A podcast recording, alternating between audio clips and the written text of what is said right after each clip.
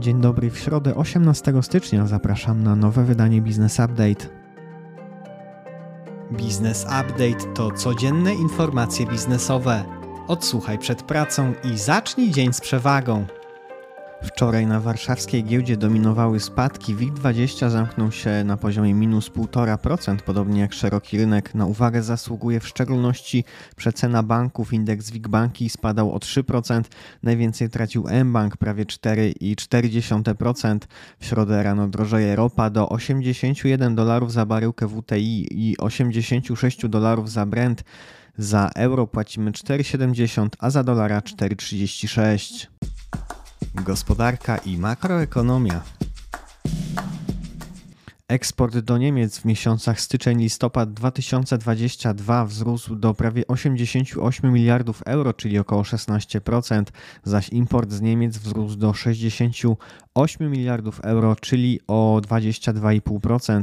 Niemcy odbierają około 28% polskiego eksportu, zaś 20% całkowitego importu do Polski pochodzi z Niemiec. Dodatnie saldo wymiany wynosi około 20 miliardów euro. Eksport do strefy euro wyniósł 315 miliardów euro, czyli o 20% więcej, zaś import 333 miliardy euro, czyli 27% więcej. Ujemne saldo wymiany wyniosło 17 miliardów euro. Na koniec 2021 roku było to dodatnie saldo miliard 200 milionów euro. Według Krajowego Rejestru Długów 60% firm planuje podnieść ceny w najbliższych miesiącach, 49% liczy się ze spadkiem zamówień w segmencie B2B, 35% firm spodziewa się opóźnień w płatnościach, a 12% najmniejszych firm spodziewa się braku zapłaty. Przedsiębiorcy, którzy wykonują jednoosobową działalność gospodarczą w miejscu zamieszkania, mogą skorzystać z uprawnienia do zamrożenia cen energii. W tym celu muszą złożyć dostawcy oświadczenie. Ministerstwo Rozwoju i Technologii przygotowało projekt ustawy o ograniczeniach w nabywaniu lokali mieszkalnych. Zgodnie z projektem osoba, która ma już 5 mieszkań zapłaci przy transakcji wyższy podatek od czynności cywilnoprawnych. Podatek ma wynieść 6%. Wiadomości z Unii Europejskiej średnioroczna inflacja konsumencka w Niemczech w zeszłym roku wyniosła 7,9%. W grudniu ceny wzrosły o 8,6% w skali roku, jednak w skali miesiąca odnotowano spadek cen o 0,8%. Wzrost cen mieszkań w Unii Europejskiej od 2010 roku wyniósł średnio 49%, a czynsz 18%. Największy wzrost cen mieszkań miał miejsce w Estonii, na Węgrzech i w Luksemburgu. Średnie ceny mieszkań w tym okresie spadły w Grecji o 22%, we Włoszech o 9% i na Cyprze o 30%. Wiadomości ze świata od początku tego roku kraje rozwijające się sprzedały międzynarodowe obligacje o wartości 39 miliardów dolarów, co stanowi około 40% wartości za cały poprzedni rok. Inwestorzy chętnie udzielają coraz bardziej ryzykownych pożyczek, ponieważ zakładają, że globalne stopy procentowe zbliżają się już do szczytu. Turcja emitowała papiery z kuponem nawet 10%. Atrakcyjne rentowności oferują także Rumunia i Węgry. Chiński Urząd Statystyczny podał, że w ubiegłym roku populacja Chin zmniejszyła się o 850 tysięcy osób do miliarda 140 milionów. Jest to pierwszy od sześciu dekad spadek liczby ludności tego kraju od Wielkiego Głodu. Minister finansów Arabii Saudyjskiej powiedział, że jego kraj jest gotowy na dyskusję na temat prowadzenia handlu walutami innymi niż dolar amerykański. Informacje biznesowe. Żabka nastawia się na dwucyfrowe wzrosty w kolejnych latach i nastawia się na przychody wybiegające poza działalność typowo sklepową. Ważnym segmentem mają być dania gotowe na ciepło oraz e-handel. Producent konstrukcji fotowoltaicznych firma Korab należąca do portfela Michała Sołowowa bada możliwość przejęcia zachodniego konkurenta, a także rozważa budowę drugiej fabryki w Polsce lub Niemczech. Firma prowadzi swoje biuro w Dreźnie. Najważniejszymi są dla niej rynek niemiecki i skandynawski. Spółka w zeszłym roku spodziewa się 1,5 miliarda przychodów, o prawie 60% więcej rok do roku i 176 milionów zysku na poziomie EBITDA. W grudniu sprzedaż AGD spadła o 18% rok do roku. W całym 2022 roku wolumen sprzedaży spadło 4,4%, jednak wartość sprzedaży wzrosła o 8,2%. Wiadomości ze świata Tesla wprowadziła obniżki cen aut sięgające nawet 20%. Spotkało się to z niezadowoleniem osób, które w ostatnim czasie kupiły samochody tego producenta. Z tego powodu przed niektórymi przedstawicielstwami firmy w Chinach odbyły się protesty niezadowolonych klientów. W Polsce cenik amerykańskiego producenta otwiera model 3 z ceną na poziomie 219 990 zł, o 25 tysięcy zł taniej niż przed obniżką. Detaliczna odnoga banku Goldman Sachs pod marką Markus, specjalizująca się w pożyczkach konsumenckich, założona w 2016 roku, przyniosła od grudnia 2020 roku 3 miliardy dolarów strat. Amerykański producent sprzętu AGD Whirlpool przenosi swoją europejską działalność do nowej spółki kontrolowanej przez tureckiego rywala Arcelika, zmniejszając swoją ekspozycję na rynek ze względu na niezadowalające marże. Whirlpool poinformował również, że sprzeda Arcelikowi swoje przedsiębiorstwa z Bliskiego Wschodu i Afryki za kwotę 20 milionów euro. Działania te nastąpiły po tym, jak Whirlpool rozpoczął przegląd swojej działalności w Europie, na Bliskim Wschodzie i Afryce w kwietniu zeszłego roku i powiedział, że planuje koncentrować się na biznesach o wyższej marży fuzje i przejęcia, inwestycje i venture capital.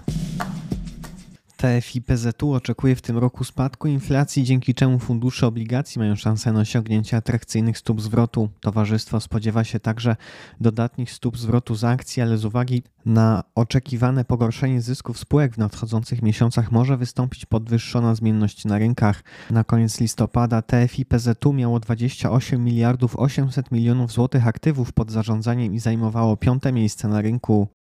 Krzysztof Krawczyk, partner funduszu Private Equity CVC, który od 2017 roku kontroluje Żabkę, powiedział, że preferowaną opcją wyjścia z tej inwestycji jest giełda, niekoniecznie warszawska.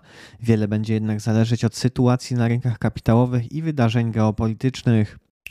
Producent wykładzin Lentex ogłosił zamiar nabycia 2 milionów 600 tysięcy akcji własnych stanowiących ponad 6% kapitału zakładowego po cenie 12,50 za akcję. Wczoraj notowania Lentexu zamknęły się ceną 8 zł 96 groszy za akcję i urosły o ponad 11%. Obecnie kapitalizacja na giełdzie przekracza 725 milionów złotych.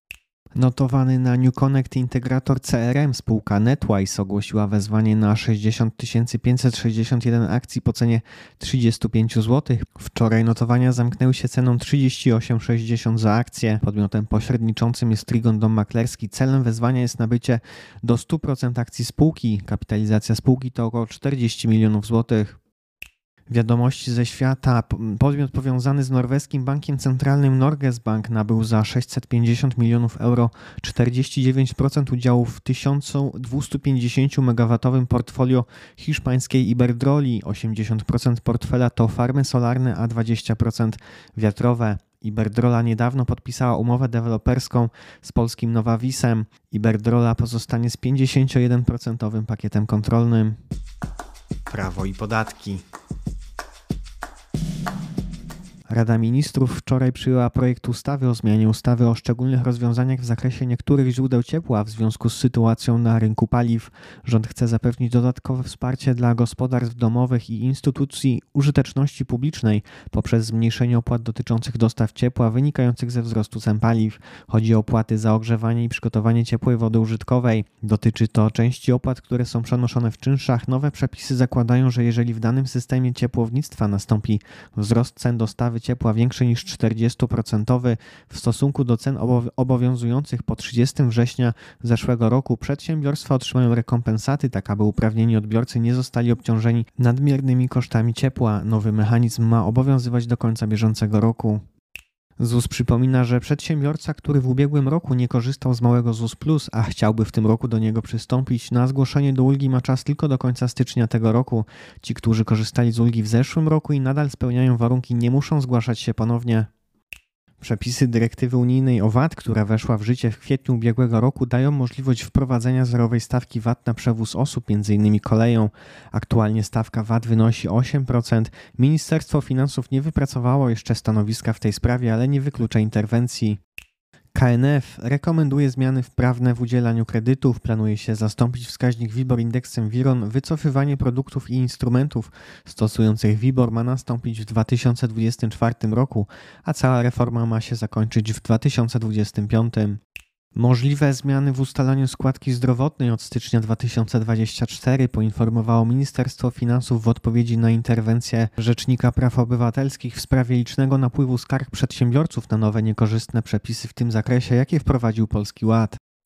Unia Europejska zarekomendowała zmiany w statystycznej klasyfikacji działalności gospodarczej. Nowe kody PKD wejdą w życie od 1 stycznia 2025, a przedsiębiorcy będą mieli dwa lata na dostosowanie się do nowych przepisów, czyli zmiany kodów PKD 2007 na PKD 2025.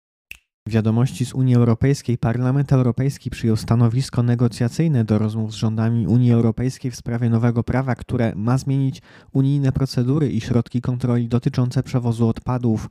Posłowie popierają wyraźny zakaz przemieszczania wszystkich odpadów przeznaczonych do utylizacji na terenie Unii Europejskiej z wyjątkiem sytuacji, gdy jest to dozwolone w ograniczonych i dobrze uzasadnionych przypadkach. Zakazany byłby również eksport odpadów niebezpiecznych z Unii Europejskiej do krajów nienależących do Organizacji Współpracy Gospodarczej i Rozwoju OECD. Eksport odpadów innych niż niebezpieczne do odzysku byłby dozwolony tylko do tych krajów spoza OECD, które wyrażą na to zgodę i wykażą zdolność do zrównoważonego ich przetwarzania. Posłowie chcą także zakazu eksportu odpadów z tworzyw sztucznych do krajów nienależących do OECD oraz stopniowego zaprzestania ich eksportu do krajów OECD w ciągu czterech lat. Z unijnych danych za 2020 rok wynika, że luka podatkowa w VAT wyniosła 93 miliardy euro. Z tego powodu Komisja Europejska planuje znaczącą reformę przeniesienia rozliczenia VAT na wyższy poziom cyfrowy. Wiadomości ze świata. JP Morgan Chase zamknął internetową platformę pomocy finansowej dla koledżów Frank, którą kupił za 175 milionów dolarów. Startup założyła Charlie Davis, którą bank pozwał za oszustwo. Po wysłaniu maili do użytkowników okazało się, że około 70% z nich zostało niedostarczonych. Bank uznał, że Davis spreparowała większość z rzekomych 4 milionów 250 tysięcy kont studentów. Bank twierdzi, że realna liczba prawdziwych użytkowników stanowi zaledwie 300 tysięcy. Prawnicy Javis odpowiadają, że zarzuty są bezpodstawne, a jedynym celem pozwu jest rezygnacja z transakcji zakupu platformy. To już wszystkie informacje w dzisiejszym podcaście. Nieco więcej informacji, szczególnie z zakresu danych rynkowych, znajdą Państwo w newsletterze, na który można zapisać się na businessupdate.pl. Tam też źródła do wszystkich wiadomości. Jeżeli nasz serwis jest pomocny, będziemy wdzięczni za polecanie go dalej, lajkowanie naszych publikacji w social mediach na LinkedIn i Facebooku, a także prosimy o przyznawanie ocen na platformach do podcastów. Ja życzę Państwu owocnej środy i do usłyszenia jutro.